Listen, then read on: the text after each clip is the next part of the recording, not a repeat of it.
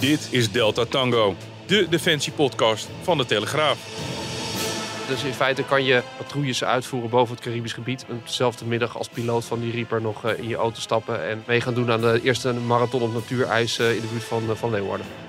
Ja, en welkom bij Delta Tango, de defensiepodcast van de Telegraaf.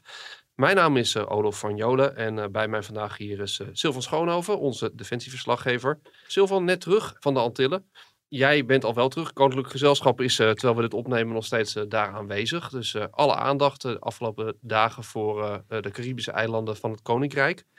Je bent wezen kijken omdat op de Antillen er heel veel gebeurt, ook als het gaat om militaire activiteit, militaire aanwezigheid. En dat is iets wat eigenlijk bij een hoop mensen een beetje onbekend is geraakt. Hè. We horen af en toe iets over een oefening die daar plaats heeft. Uh, of een grote drugsvangst die wordt gedaan door, door de marine. Uh, het leek ons voor uh, deze aflevering van Delta Tango de moeite waard om een keer op een rij te zetten van wat hebben we daar eigenlijk allemaal zitten aan defensieeenheden en wat doen ze? Ja, precies. Want zoals je zegt, voor veel mensen is het heel ver weg, 7800 kilometer weg. En is het allemaal nodig dat wij onze militairen daar naartoe sturen? Nou ja, er zijn allerlei redenen voor waarom we daar zitten. En ik, ik, heb daar een tour gehad langs de verschillende onderdelen van de luchtmacht, van de Koninklijke Marechaussee, uh, van de mariniers, de marine uh, en ik, de kustwacht, alle, allerlei onderdelen. En heb gezien hoe, hoe die op een ingewikkelde manier daar met elkaar samenwerken. Het is een klein eiland, maar er zijn allerlei verschillende onderdelen. Met soms een beetje overlappende belangen. daardoor kan het zijn dat je bij de kustwacht komt en uh, dat ze daar zeggen van ja, maar uh, het grootste deel van die drugsvangst die hebben wij gedaan hoor. Dat is niet onder de vlag van de marine, maar onder de vlag van de kustwacht en ja. dat uh, onderbelicht. En ze vinden zichzelf allemaal een beetje onderbelicht. Het is, het is zo zeggen in die zin de krijgsmacht echt in het klein. Alles of alles zo niet, ja, alles, bijna alles is daar aanwezig. Alles zit daar, alles zit daar en ze hebben allemaal taken, maar die taken die overlappen elkaar een beetje. En dat maakt het wel wat ingewikkeld daar. laten we proberen een beetje orde in de chaos te scheppen. Zo er sprake van chaos is, maar laten we in ieder geval proberen een zo duidelijk mogelijk beeld te schetsen. Uh, niet nadat ik natuurlijk toch nog even eerlijk heb toegegeven dat ik stinkjaloers ben. Want uh, Hartje Winter uh, ruim een week naar het Caribisch gebied. Er zijn slechter denkbare klussen. Dank ook voor alle appjes die je per se weer moest sturen tijdens jouw expeditie van de foto's. Dat de was fotootjes, hè, fotootjes. Enorm gewaardeerd, de, enorm gewaardeerd. Hoe wit stranden zijn en hoe blauw de zee is. anders heb je daar geen goed beeld bij misschien. Nee, fijn. Nou, ook de gifbeker van deze podcast ga ik leeg drinken wat dat betreft. Maar nou, het, is, het is gewoon echt een interessant onderwerp. Wat is het grootste krijgsmodel? Wat zit daar het meest?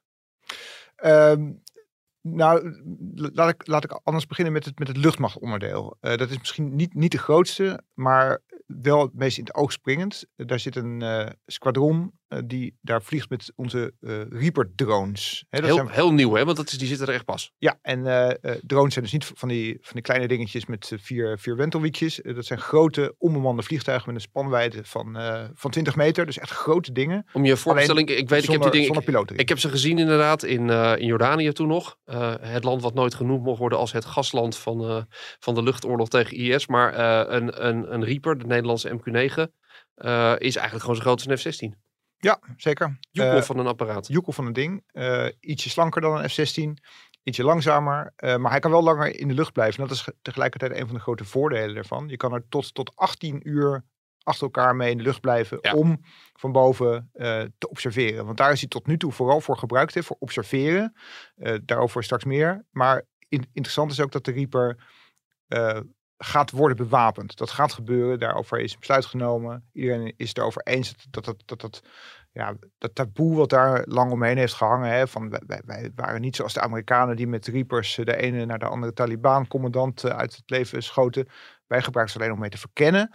Nou, dat gaat nu veranderen. Wij gaan er ook gewoon Hellfire raketten onder hangen of een ander wapensysteem. Waarom, zijn, uh, waarom is die club uh, nou naar uh, Curaçao gegaan? Want dat, ze, die, die toestellen zijn net afgeleverd aan Nederland. We zijn, ja. De Nederlandse eenheid die daarmee werkt is eigenlijk net begonnen. Ja, we zijn, we, ja, we hebben ze daar omdat je daar wat meer de ruimte hebt. Je hebt gewoon dat, dat luchtruim is helemaal open. je hebt een groot gebied waar je observaties kan, kan uitvoeren. Ehm, het weer schijnt ook wel mee te spelen. Hè. Je hebt daar gewoon mooi weer, dus je kan, uh, je kan vaak vliegen en je kan veel zien met het camerasysteem wat daaronder hangt. Dus ja, het is een ideaal oefenterrein. Maar ze uh, staan ook in Leeuwarden en ze kunnen natuurlijk ook gewoon hier gebruikt worden en er kan mee gevlogen worden. En het maakt op een gegeven moment niet meer uit van waar, waar ze staan. Hè? Want De, de vlieger die kan in Leeuwarden zitten. En het vliegtuig kan aan de andere kant van de, van de wereld staan. Ja, het is een heel, heel bizar fenomeen. Ik herinner me, ik ben in Nieuw Mexico geweest toen het allemaal net een beetje begon te spelen, dat hele project. We hebben het ook gezien. Uh, we mochten toen uh, ook kijken in die, in die zeecontainers waarin zo'n uh, bemanning dan zit van de Reaper. Bemanning is eigenlijk een raar woord in dit geval, want ja. suggereert dat je erop zit, maar dat is helemaal niet zo. De, de, de crew, laten we zo met een mooi woord zeggen. Dus in feite kan je straks, of wanneer dan ook, kan je patrouilles uitvoeren boven het Caribisch gebied. en, en dezelfde middag als piloot van die Reaper nog in je auto stappen en naar, aan, aan mee gaan doen aan de eerste marathon op natuurijs in de buurt van, van Leeuwarden. Ja, dat zou kunnen uh, met dienverstanden dat bij starten en landen wil je eigenlijk een wat snellere verbinding hebben. En dan is het handig als je, als je een zichtsverbinding hebt met, met het apparaat zelf. Dus dan, dan is het handig als je op het eiland zelf zit of in de buurt. Ehm, maar tijdens het vliegen kun je dat op grote afstand doen. En ook degene die de camera bedient, die kan op grote afstand die camera besturen en richten en inzoomen op allerlei zaken op de grond. En ik heb dat ook gezien vanuit die container hoe dat, hoe dat gaat, wat je dan ziet. En ik was echt al, ik was echt al verbijsterd hoor. Want je, je kijkt dan naar het monitor, een van de monitoren van, uh, ja, van hoe je dat vliegtuig bedient. En je, je ziet dan wat de camera ziet die eronder hangt. En wij zagen een beeld van een kustlijn. Nou, dat was de kustlijn uh, van Curaçao, waar we zaten. En je zag daar uh, in kleur, zag je een paar mensen het strand op, opwandelen. je zag dat ze, dat ze korte broek aan hadden. je zag dat, ze, dat er twee naast elkaar gingen staan. En dat een derde, die nam een foto van ze. En je kon gewoon zien wat, wat, wat die mensen op dat strand deden. En toen keek ik naar eh, het metertje wat de afstand aangeeft. 27 kilometer ver hing de Reaper op dat moment. 27 kilometer ver. En je kon gewoon zien wat ze aan hadden, die mensen. En ik was toch wel verbijsterd. En, over, uh, die, over die uh, Ouderwetse vraag, maar kleur of zwart-wit? Dat was in kleur. Dat was in kleur. Ja, dat was in kleur. En ja, hoe dichter je erop zit, hoe scherper het beeld natuurlijk. Uh, ze, zijn, ze hebben ook, ook radarbeeld waar ze gebruik van maken. Eventueel, dus daarmee kunnen ze ook door wolken heen kijken. Maar uh, ja, de, de, de mate waarin je kan inzoomen op wat er beneden zich afspeelt, is echt verbluffend. Hey, die die uh, Reaper-eenheid, is die nu voor een, we zeggen, beperkte periode daar? Uh, trainen ze helemaal totdat ze inzet klaar zijn en gaan ze dan met z'n allen terug naar Nederland? Of wat is een beetje de toekomstplan voor, voor, die, voor groep?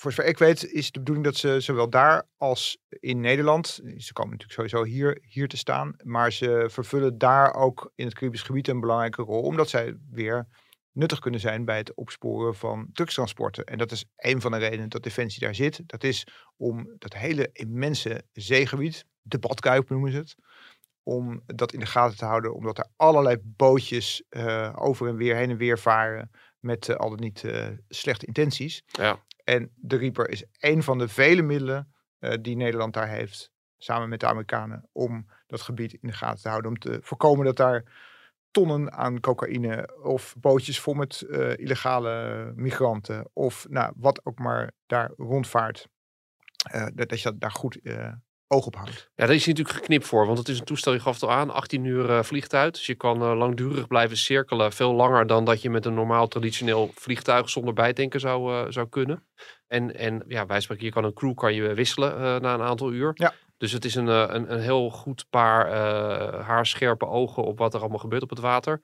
Ja, inderdaad, die, die antidrugsoperaties, dat, dat, dit is dan een relatief nieuw uh, middel wat Defensie daar dan uh, voor ter beschikking heeft en ook inzet.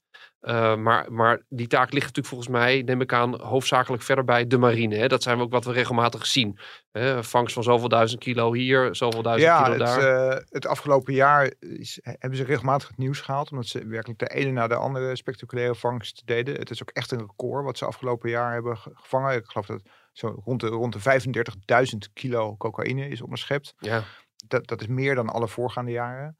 Uh, nou, dat, dat, dat is echt uh, resultaatwerk dus. Zij zeggen ook, elk, elk bootje waar zij op afgaan, waarvan ze denken van dat is niet in de haak, is ook inderdaad niet in de haak. Dus eigenlijk elke, ze hebben, ze hebben tientallen acties uitgevoerd en eigenlijk al die acties hebben wel uh, honderden tot wel duizenden kilo's tegelijk opgeleverd. Het geeft ook dat je denkt van wat, wat gaat er, wat glipt er allemaal nog doorheen? Want dat is dan waarschijnlijk een veel fout van die 35.000 kilo. Ja, nou ja, kijk, dat, zij weten natuurlijk drommels goed dat, uh, dat er natuurlijk zoveel manieren zijn om dat spul aan de overkant te krijgen. En de overkant kan dan zijn de Verenigde Staten, maar dat kan ook zijn een van de eilanden in het Caribisch gebied, dat als een soort tussenstop fungeert. En dan kan het bijvoorbeeld daar aan land gaan. Dan gaat het bijvoorbeeld per, per zeecontainer gaat het weer verder, of naar Amerika of naar Europa of waar dan ook. Het is natuurlijk één groot handels- en transportgebied vol met criminaliteit. En eh, onze benedenwindse eilanden, dus eh, Aruba, eh, Bonaire en, en, en Curaçao, zijn, zijn echt strategisch gelegen. Eh, vlakbij de kust van Venezuela en ook vlakbij het, de hotspot in Colombia, waar heel veel van die activiteit zich afspeelt en waar ook heel veel bootjes vertrekken van die punten. En die, Hoe, en die, hoe, hoe werkt dat dan? Hoe, die, die, die counterdrugsoperaties, hoe, hoe gaat dat? Kan je dat een beetje uitleggen? Ja, nou, er wordt dus eigenlijk een heel groot net wordt uitgeworpen over, eh, over, de, over de badkuip. Eh, ik ben ook in het commandocentrum geweest, waarbij je de grote kaart ziet en dan zie je de stipjes en je ziet de grote driehoeken of de grote rechthoeken van daar kunnen, kunnen ze kijken. Ze kunnen niet overal tegelijk kijken, hè. Dat, is, dat, is, eh, dat is natuurlijk het nadeel. Want hoe Zo- kijken ze, met wat kijken ze? ze kijken met eh, van allerlei middelen. Ze hebben, ja, je hebt natuurlijk satelliet, je hebt radar, je hebt vliegtuigen rondvliegen, je hebt varende radarposten. En dat, dat beeld als geheel wordt bij elkaar gevoegd. Dat is ook allemaal beeld dat ze krijgen bijvoorbeeld van de Amerikanen in elkaar. de maar dat zijn Amerikanen zitten die... op, eh, op Key West. Eh, daar komt alles samen. Dus die hebben het totale plaatje. En ik ben op de commandopost op, op Curaçao geweest. En, en daar zie je, daar zie je nou ja, ons, ons, ons deel van het gebied dan. En zij kunnen eigenlijk direct zien aan, aan, aan een stipje van wat zou het kunnen zijn. Wa- waarom vaart zo'n boot daar? Eh, welke route volgt die? Hoe hard gaat die? Wat, wat, zijn de bewegingen? Eigenlijk kun je daar gelijk al aan zien van nou, dat is foute boel. Als het foute boel is, dan gaan ze daarheen. Eh, dat kunnen ze doen met een schip. Die gaat daarheen. Daar hebben ze dan die frisks. Dat zijn die snelle rubberboten. Want het Eh, schip is meestal, er is altijd standaard eh, in de Westen is een stationsschip, is een vast, eh, een, ja. een marineschip is Ja. aanwezig daarvoor, met name dan dit soort operaties. Een patrouilleschip hebben ze. En die frisks die gaan er dan in, in volle vaart op af. Dus, ja, dus die grote, grote rubberboten. Gewapende mensen aan boord. Ze laten een helikopter erboven vliegen. Het is ook een ja, soort show of force. Hè. Uit het niets komen ze, komen ze opzetten. Er wordt via de megafoon geroepen van stoppen, stoppen, stoppen. Die helikopter die, eh, die gaat erboven hangen. De mensen aan, aan boord van dat bootje, eh, die zien allemaal gewapende mannen eh, om zich heen. Dus eh, het idee is van, eh, ze moeten zich direct overgeven. Meestal gebeurt dat ook, maar er was eh, vorig jaar ook een incident waar ook is geschoten. Ja, waar ook een slachtoffer bij is, eh, is gevallen. Voor de duidelijkheid aan de kant van de smokkelaars. Aan de kant van de smokkelaars. Ze kunnen ook eh, schieten op de, op de buitenboordmotoren als mensen er vandoor gaan. Dat gebeurt ook, hè, dat, men, dat ze zich niet overgeven, maar dat ze denken van nou, we, we, we, eh, zetten het gas open en we scheuren er vandoor in de hoop te ontkomen. Ze gooien de lading overboord Vol- en dan volgens mij inderdaad in dat mari- ontspringen. Voor mij het Mariniersmuseum hè, is er ook zo'n Go Fast boot, staat er, met, waar ze door de motor heen geschoten hebben. Ik kan me herinneren dat ik dat ooit een keer gezien heb. inderdaad. Ja, ja, ja nou dat, dat is dus, dat komt best regelmatig voor. Maar meestal geven ze zich over omdat ze zien dat het, dat het kansloos is. En eh, ja, dan worden ze overgedragen aan, eh, aan de Amerikanen als het in, eh, buiten de territoriale wateren zich afspeelt. Oké. En, de en de bemanningen van die frisgat zijn de Nederlandse mariniers, neem ik aan. Ja, ja. Leden van. Korps Mariniers die gewoon speciaal van die boarding, boarding ploegen, zullen we maar zeggen. daar- Boardingploegen. eh de Amerikanen doen buiten de territoriale wateren doen de aanhouding. Ehm, maar wij leveren, zeg maar, ja, wij, gaan erop af met, met die bootjes. En wij zorgen dat er een soort omsingelingsplan is om te voorkomen dat ze er vandoor gaan. En ik heb ook gesproken met een, eh, met een aantal mensen die erbij betrokken zijn geweest. Eh, ik heb iemand gesproken die meeging aan boord van zo'n bootje. En die zag dat, dat lading eh, aan een touw sleepte achter dat bootje. En die lijn werd doorgesneden in de hoop dat, eh, ja, dat daarmee ook eh, de contrabande verdwenen was. Maar ze konden die lading toch weer gewoon uit de golf opvissen. En nou ja, ook die mensen zijn natuurlijk gewoon aangehouden. Dus ja, dat is, dat is een van de, van de taken die men daar heeft. Om te voorkomen dat het daar ja, in feite één groot boevennest wordt natuurlijk. En dat onze eilanden daar ook een rol bij spelen. En dat die eilanden dus afglijden omdat ze eh, in handen komen van criminele bendes. En we weten allemaal uit de Netflix-series eh, wat, er, wat er gebeurt als de narcos het voor het zeggen krijgen. Dan eh wachten anarchie en vooral heel erg veel bloederig geweld. En Ja, want wat er- voorkomen. De bestuurlijke reputatie van die eilanden is al niet zo lekker natuurlijk. Dus wat dat betreft is het ook hard nodig dat er, dat er nog een, een vorm van orde en gezag wordt uitgeoefend. Ja, als je hier niet bovenop zou, zou zitten, dan zouden al die eilanden echt uitgroeien tot, tot de hubs en boevennesten. Met alle eh, ja, ontwrichtende gevolgen voor de samenleving eh, als gevolg. Dat, dat gezegd hebben, in het verleden eh, was ehm, waren eigenlijk alle eilanden, want jij bent op Curaçao geweest, maar ook natuurlijk Sint Maarten is, is ook zo'n zo'n voorbeeld waar eh, permanente militaire presentie is. Dat, dat was eigenlijk een beetje het domein alleen maar van het Korps Mariniers. Hè? Maar volgens mij is die taak eh, van een permanente aanwezigheid, die is meer verschoven nu naar de landmacht, toch? Nou, ja, er zit landmacht, er zit eh, de marine, waaronder het Korps Mariniers. Ja, De luchtmacht zit er, eh, de marechaussee zit er ook. Die ondersteunen weer de politie. Ehm, dus ja, het, alle, alle, alle krijgsmachtdelen zijn er wel van de partij. En, en dat allemaal dus om eh, die eilanden te beschermen. eh, niet alleen tegen drugscriminaliteit en eh, dat soort transporten waar we het net over hadden. Maar ook over allerlei ja, geopolitieke zaken die daar mis kunnen gaan in, in, in de buurt. En dat zijn er nogal wat. Want ja, op, op een heldere dag kun je vanaf de benedenwindse eilanden, in elk geval vanaf Aruba, kun je Venezuela zien liggen in de verte. Nou, Venezuela is een grillige, onvoorspelbare dictatuur. Dat banden heeft met Rusland en met China. Bovendien ook een, ook een land dat een claim heeft op papier, maar ook wel uitgesproken op die eilanden. Op een beetje een, beetje een soort, onze eilanden tussen aanhalingstekens. dan krijg je een beetje een uh, Falkland gevoel bij. Een Falklandgevoel uh, of een Oekraïne-gevoel. Uh, want wat Rusland heeft gedaan met Oekraïne zou Venezuela in theorie ook kunnen doen met de benedenwindse eilanden. Hoe realistisch is dat scenario? Want bedoel, uh, het laatste beeld dat ik van Venezuela heb, is dat het een land ook is wat echt down and out is. Wat gewoon in een hele diepe economische crisis verzeild geraakt is. En waarbij je zou denken, ze hebben geen eens de centen om, uh, om aan een invasie te beginnen. Nou, dat, dat mogen zo zijn. Hè. Het, is, het is natuurlijk een land in een neerwaartse spiraal. Ik uh, sprak daar ook over met Gert Oost-Indie, uh, Klingenau-expert. En die zegt ook van ja, de kans dat Venezuela dat gaat doen, dat hij onze eilanden gaat aanvallen, is op zich niet zo groot. Maar sinds februari vorig jaar zijn we natuurlijk iets van die naïviteit kwijtgeraakt. Ook minder waarschijnlijke scenario's kunnen zomaar ineens werkelijkheid worden als de kaarten net even er iets anders uh, voor liggen. Want ja, Venezuela heeft vooral heel veel strategisch voordeel. Hè? Die, die hoeven maar ja, uh, 80 kilometer het water over te steken en ze zijn er. En wij liggen daar ja, met, met een boot en met, ja, een paar honderd militairen. Een paar honderd man. Maar dat is natuurlijk niet, niet, niet genoeg tegen een door Rusland bijgespijkerde krijgsmacht. En dat is Venezuela. Wij zijn als Nederland verplicht dan om die eilanden te verdedigen. Of om ze te bevrijden als ze veroverd zijn. De, hè, dat, dat, is, uh, dat is vastgelegd. Nederland kan niet zeggen van nou jongens, uh, zoek het maar uit. Het wij, allerbeste ermee. Wij moeten, wij moeten dan vechten als dat gebeurt. Slecht nieuws is ook dat uh, dat niet onder de NAVO-paraplu valt. Dus wij moeten. Waarom, waarom eigenlijk niet? Omdat uh, in, uh, in de NAVO-verdragen is vastgelegd dat dat niet geldt voor eilanden zuidelijker dan de Kreeftskeerkring. Oh. Voor, voor die gebieden. Dus okay. het geldt alleen voor in Amerika en in Europa. Ah.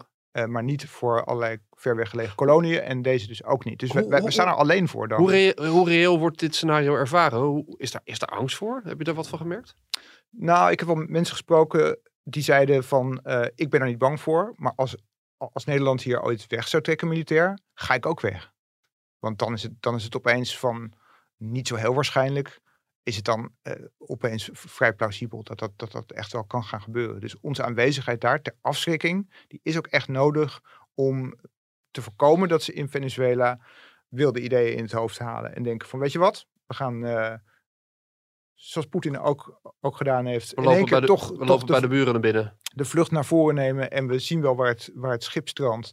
En lang leven de verwarring die dan in de westerse wereld ontstaat. Zo, wat, zo kunnen zij ook denken. Als, als dit zou gebeuren, hè, um, zou er wel steun vanuit de VS verwachten zijn. Meer bilateraal, zullen we zeggen. Ja, dat is, het is natuurlijk niet zo dat we dan helemaal alleen voor staan, want de Verenigde Staten zullen niet toelaten dat in, in het Caribisch gebied Hun de achtertuin. stabiliteit ineens onderuit gehaald wordt. En zeker niet door Venezuela. Dus uh, helemaal uh, alleen staan we er niet voor. De VS komen waarschijnlijk helpen. Um, en dat maakt ook de kans dat ze het avontuur aan zullen gaan in Venezuela wat minder groot. Maar ja, nogmaals, ook de commandant die ik daar sprak zei van ja, je moet op alles voorbereid zijn.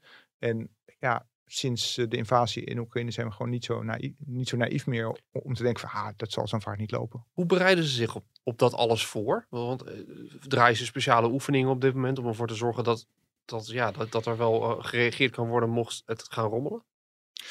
Nou, wat ze bijvoorbeeld hebben uh, is een eenheid van ook Caribische militairen. Want de redenatie is van ja, wij kunnen daar als Nederlanders wel militair aanwezig zijn om in geval van, eh, van een calamiteit in actie te komen. Maar zoals mij werd uitgelegd, een Nederlandse militair kost vier keer zoveel als een Caribische. Dus er wordt daar een militie opgeleid. Dat, dat zijn in feite ja, Caribische mariniers. Die krijgen ook speciale training voor het, voor het ruwe terrein daar en dergelijke. En die zijn speciaal opgeleid eigenlijk om het eiland zelf te verdedigen. Dus in plaats van dat wij dat doen voor hen, gaan de mensen op Curaçao en Aruba, die gaan dat zelf doen. Dus hoe, gaan, groot is die militie? Die is nu een, eh, eh, iets meer dan 100 man. Oh, dat is, dat is niet zo heel Nou veel. ja, eh. dat zijn allemaal geen aantallen waarvan je denkt van oké, daar- daarmee zijn we opgewassen tegen een, een invasie uit Venezuela. Maar ja, je moet natuurlijk ergens beginnen. Dat, dat moet er ook toe leiden dat er, dat er een deel van de Nederlandse mariniers terug kunnen gaan naar Nederland. En dat ze daar hun, eh, hun werk kunnen doen. Dus de bedoeling is wel dat de mensen het daar toch enigszins gaan overnemen. Eh, maar helemaal op eigen kracht zullen ze het waarschijnlijk niet kunnen. Dat ligt niet voor de hand, want eh, ja, dat vraagt natuurlijk veel geld en middelen. Eh, er zijn ook vaak van die polls geweest onder de bevolking van willen jullie helemaal onafhankelijk worden? En dan is een overgrote meerderheid van de mensen daar die zegt van nee, nee, nee, we willen laat Nederland maar blijven. Nou, dat heeft natuurlijk onder andere hiermee te maken met deze dreiging. Zij voelen het ook wel aan als ze helemaal zelfstandig op eigen benen staan. Dan wordt de dreiging van dit soort zaken wordt natuurlijk veel groter. ja. Dus wat je dus ook wel veilig onder onze ja, want militaire paraplu. Waar we het nog niet over hebben gehad, eh, is natuurlijk ook een, een, een positie waarin eh, Nederlandse militairen vaak belangrijk zijn, is wanneer er weer eens een keer een orkaan overkomt. En dat is, dat is niet denkbeeldig daar. Dat gebeurt gewoon met regel, enige regelmaat van de klok is daar een ernstige orkaan. Ja. En dan zie je toch dat, dat de hele rampenbestrijding daar, ja, die hebben ook gewoon heel hard dan de Nederlandse bijstand nodig. Ja, want, klopt. Want die, dat is- want die redden het niet ja. om, om in hun eentje dan eh, daar orde op zaken te stellen en de problemen eh, op te lossen. Nee, dus als je daar met, met militairen sp- spreekt, dan hebben ze het eigenlijk in elke eh, derde zin hebben ze het over rampenbestrijding. Want dat is, dat is daar natuurlijk een, een groot deel van het werk bestaat daar uit dat soort natuurrampen en, en calamiteiten. Vooral in de, in, in de bovenwindse eilanden, hè, want dat, dat valt binnen het orkaangebied. eh, Ja. niet, niet de benedenwindse eilanden. Dus niet- Saba, ja. ja, eh, dus daar, daar, daar speelt dat vooral. Eh, maar dat, dat is ook met name veel meer dan hier in Nederland natuurlijk, waar militairen daarvoor worden ingezet. Voor het, voor het ja, bestrijden van allerlei chaos na het langskomen van weer een orkaan of een eh, of ander noodweer. Ik kan, me, ik kan me herinneren, eh, we hebben in het verleden een verhaal gemaakt eh, met een aantal betrokkenen vanaf Sint Maarten. Die eh, vertelden dat de rampenbestrijding daar op zichzelf al een, ramp was. Dus die, die aangaf, mensen gaven aan van ja, langjarig moeten wij daar gewoon zijn. Want als we het helemaal zelf moeten oplossen, nou dan, dan wordt het chaos. En dat is ook wel gebleken voor mij de laatste keer dat Sint Maarten getroffen werd. Toen zijn er mariniers ook heen gestuurd met een eh, amfibisch troepentransportschip. En, en die waren ook hard nodig om de orde eh, en het gezag daar te herstellen. Want, want Ja. zelfstandig eh, ging dat daar maar gewoon het, niet. maar het is wel de bedoeling dat dus ook die Caribische militairen, dus de ja, soldaten van Curaçao en Aruba zelf, dat die ook worden ingezet bij die rampenbestrijding. Want, zo werd mij uitgelegd, je kunt als er, als er ergens chaos heert, heerst en anarchie en eh, plundering en dergelijke, kun je beter de eigen mensen daartegenover zetten. Die snappen wat er aan de hand is, die begrijpen of een, of een situatie dreigend is, die, die de taal goed spreken. Veel beter dan dat wij Nederlanders dat uiteindelijk kunnen. Ja, Dus- en je dus hebt de ook bedoeling factor dat- tijd. Hè? Als, je, als je natuurlijk in die zin van een factor, eh, factor tijd, ja. du moment dat je inderdaad een, een goed getrainde militie hebt. Die je binnen, binnen een kwestie van uren van, eh, vanaf Curaçao naar, eh, naar Sint Maarten kan overvliegen. Ja. Is dat altijd verre van te prefereren voor de, eh, dan dat je mensen in Nederland op een schip moet gaan zetten. En dat schip naar Ja. Ja. Sint Maarten moet laten varen. Dan ben Maar je het wel is dus ook zo dat... Ook een cultuurverhaal, ook een, ook een aansluitings... ja, ja, dat hadden ze ik, gezien tijdens de aardbeving op Haiti. Toen hebben ze ook militairen eh, ja, van de eilanden zelf daarheen gestuurd. En, en die konden veel beter aanvoelen van of een situatie nou op het punt stond om vo- volledig uit, uit de hand te lopen. Of dat het, dat het wel meeviel. Ja. Dus ook daarvoor eh, eh, veel meer inzet van de, ja, van, van de eigen bevolking. Die wordt opgeleid niet alleen om militair te zijn, maar ook om het commando daarover te gaan voeren uiteindelijk. Eh, Een van de dingen die tot slot denk ik heel interessant zijn, is, is militairen die, naar, die naar, ehm, daar naartoe mogen.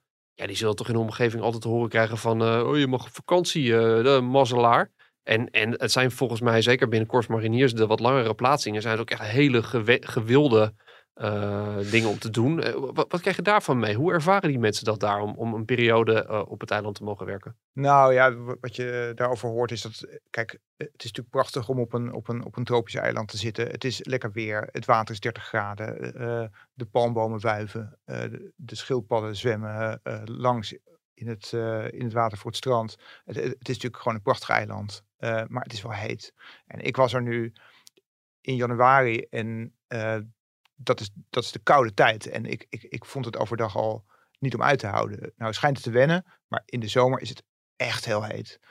En eh, een van de commandanten die ik, die ik sprak, zei van, van dat was iemand eh, die ook eh, bij het Corps Mariniers zat, die zei van ja, ik heb, ik heb alle, ik ben overal geweest, ik heb koude training gedaan en bitter koud, maar dit, dit is echt het, het hardste klimaat wat ik eigenlijk heb meegemaakt. En als je daar rondloopt op dat eiland en je, en je ziet die, heuvels, die rotsen, eh, cactussen, prikkel, prikkelplanten, als je daar doorheen moet, moet ploegen. En die, die commandant zei van ja, wat wij aan, aan, aan kraaienpoten op de weg gooien, dat hangt hier gewoon aan de bomen. En als je daar hier een weg doorheen moet, moet banen, ja, dan moet echt bikkelhard zijn. Ja, En, en dat dus in de hitte. Nou ja, het, het, is, het is echt een snoeiharde omgeving eigenlijk om te moeten werken. Eh, maar ja, wel een zonnige. Ja. En tegelijkertijd, ik weet niet of je daar nog eh, eh, wat dingen over gehoord hebt. Eens in de zoveel tijd komt er ook altijd een affaire. Hè, de, de, wij spreken, we hebben bijvoorbeeld maar vorig jaar nog een, eh, nog een vrij omvangrijke zaak gehad met, eh, met drugsgebruikende ehm, eh, militairen daar. Landmachters waren dat toen. Ook, ook dat ligt wel op de loer daar. Verveling. Ja. het is natuurlijk ook En het is zo makkelijk verkrijgbaar daar. Hè? Als je daar rondloopt inderdaad, dan, dan, krijg je elke vijf minuten, hoor je iemand fluisteren van, ja, wil je cocaïne? Het, Oh. is, het is daar zo ruim voorradig. terwijl jij zo'n keurige, zo terwijl jij zo'n keurige jongen bent. Dus je zou niet denken dat jij de eerste bent. Dus dan, dan moet dat ja, wel... eh, eh, eh, iedereen krijgt het aangeboden, denk ik. Eh, alle alle, alle ja, Nederlandse toeristen ook, die staan er aan, aan bloot aan die, aan die handelaartjes. En dan voor, voor prijzen die natuurlijk veel lager liggen dan in Nederland. Want hier is het nog goedkoop, hè? En dat maakt het misschien extra verleidelijk om eens te denken van, van ah, weet je wat, we gaan... wat ver weg gebeurt, is niet gebeurd. Dus laten we het toch maar eens proberen. En voor militairen geldt natuurlijk eigenlijk nog, nog meer dan in Nederland een soort zero tolerance beleid. Want de marechaussee daar, dat is een taak, belangrijke taak van de marechaussee, Ja. dat die heel erg let op Ja. eh, of mensen niet buiten de, eh, of uit de bocht vliegen. Dat er onder andere daar wordt op gelet, maar er wordt En- ook en op, op, dus- op, drank eh, prominent gecontroleerd dat Ja. mensen niet Ja. dronken en wel over het eiland heen gaan tuffen. En zo werd me uitgelegd, als er iemand met cocaïne wordt gepakt, dan wordt dat ook gepubliceerd. Ze willen daar transparant over zijn. Ze willen vooral niet onder het tapijt vegen dat er Nederlandse militairen zijn die zich eh, schuldig maken aan drugsgebruik. Want, zeggen ze, wij hebben natuurlijk een enorme voorbeeldfunctie. En je kunt natuurlijk niet hier keihard gaan handhaven eh, op drugstransporten, als je eigen militairen zelf vervolgens een lijntje leggen. Dus daarom elke militair die zich daar schuldig maakt, die wordt nou, bijna aan de schandpaal genageld, zou je kunnen zeggen. Ja. Met een persbericht van we hebben er weer een, een gevonden om aan de bevolking duidelijk te maken van eh, wij hanteren daarin geen enkele dubbele standaard. Ja, dus het is wat dat betreft wel een. eh, wie op uitzending mag, eh, krijgt letterlijk een, een ticket to the tropics. Maar het is bepaald geen vakantiereis. Er zitten ook echt wel, eh, wel, zware kanten aan, aan als militair daar dienen. Ja, ja het, is, het is denk ik echt wel hard werken daar in de hitte. Ik, ik sprak ook een militair daar, een marinier, die is daar in zijn eigen tijd is hij daar bezig geweest om een vermiste Nederlander op te sporen. Misschien kun je dat nog wel herinneren. Afgelopen zomer was er een eh, man uit Leiden, die was op eigen houtje gaan wandelen in dus die, in dus die eh, verzengende hitte. Die was vermist geraakt. Eh, op een gegeven moment was eigenlijk duidelijk van, nou, die zal niet levend meer gevonden worden, want hij was op een gegeven moment een aantal nachten al weg. Die marinier die is in, zijn eigen tijd toch in die hitte door, die, door die wildernis gaan ploegen. Dus door die prikkelbosjes, door die cactussen, door die rotsachtige heuvels, om dat lichaam te zoeken. En heeft dat lichaam uiteindelijk gevonden. Dat vond ik wel een treffend voorbeeld van, van hoe ver die militairen daar gaan. Hè? En ook gewoon in eigen tijd wilde hij dat doen. En hij heeft voorkomen met de vondst van het lichaam, eh, ja, dat, dat, dat uiteindelijk nooit meer teruggevonden zou zijn. Want op een gegeven moment geeft zo'n lichaam natuurlijk geen, geen, eh, geen geurspoor meer af. En dan is, het, dan is de kans dat je het terugvindt is echt nul. Hij heeft dat lichaam teruggevonden. Van het pad afgeraakt was die man uitgedroogd, eh, oververhit. Dat is waarschijnlijk eh, de reden dat hij het niet gehaald heeft. Maar ja, dankzij eh, die marinier is wel dat lichaam uiteindelijk toch eh, geborgen. En hebben die nabestaanden toch, ja, in plaats van een vermissing tenminste nog een lichaam. Een begrafenis gehad. Ja, begrafenis. Ja, dat is denk ik inderdaad een, een, treffend voorbeeld van je laat niemand achter. Je blijft. het zit, zit sterk verweven ook in, in de militaire waarden van, van niet zomaar eh, nabestaanden met zoiets achterlaten. Ja, wat Ja. een bijzonder verhaal. Het is, het is geen vrolijke noot, maar het is wel een bijzonder verhaal. Eh Sylvan, dankjewel. Eh we zijn weer wat wijzer over Nederlandse militairen ver van huis en, en tegelijkertijd dicht bij huis. Want het blijft een, een, een stukje Nederland op, wat zei je, 7800 kilometer van hier. Eh, voor je gevoel ver weg, maar ja, er liggen toch allemaal belangen voor ons. Helder. Nou, dankjewel. Dit was Delta Tango voor deze week. Bedankt dat je luisterde en we hopen dat je het weer interessant vond. Als dat zo is, laat dan een recensie achter op een van de podcastplatforms en abonneer je, zodat je geen aflevering meer hoeft te missen. Wij zijn er over twee weken weer met een onderwerp uit de wereld van defensie en internationale veiligheid.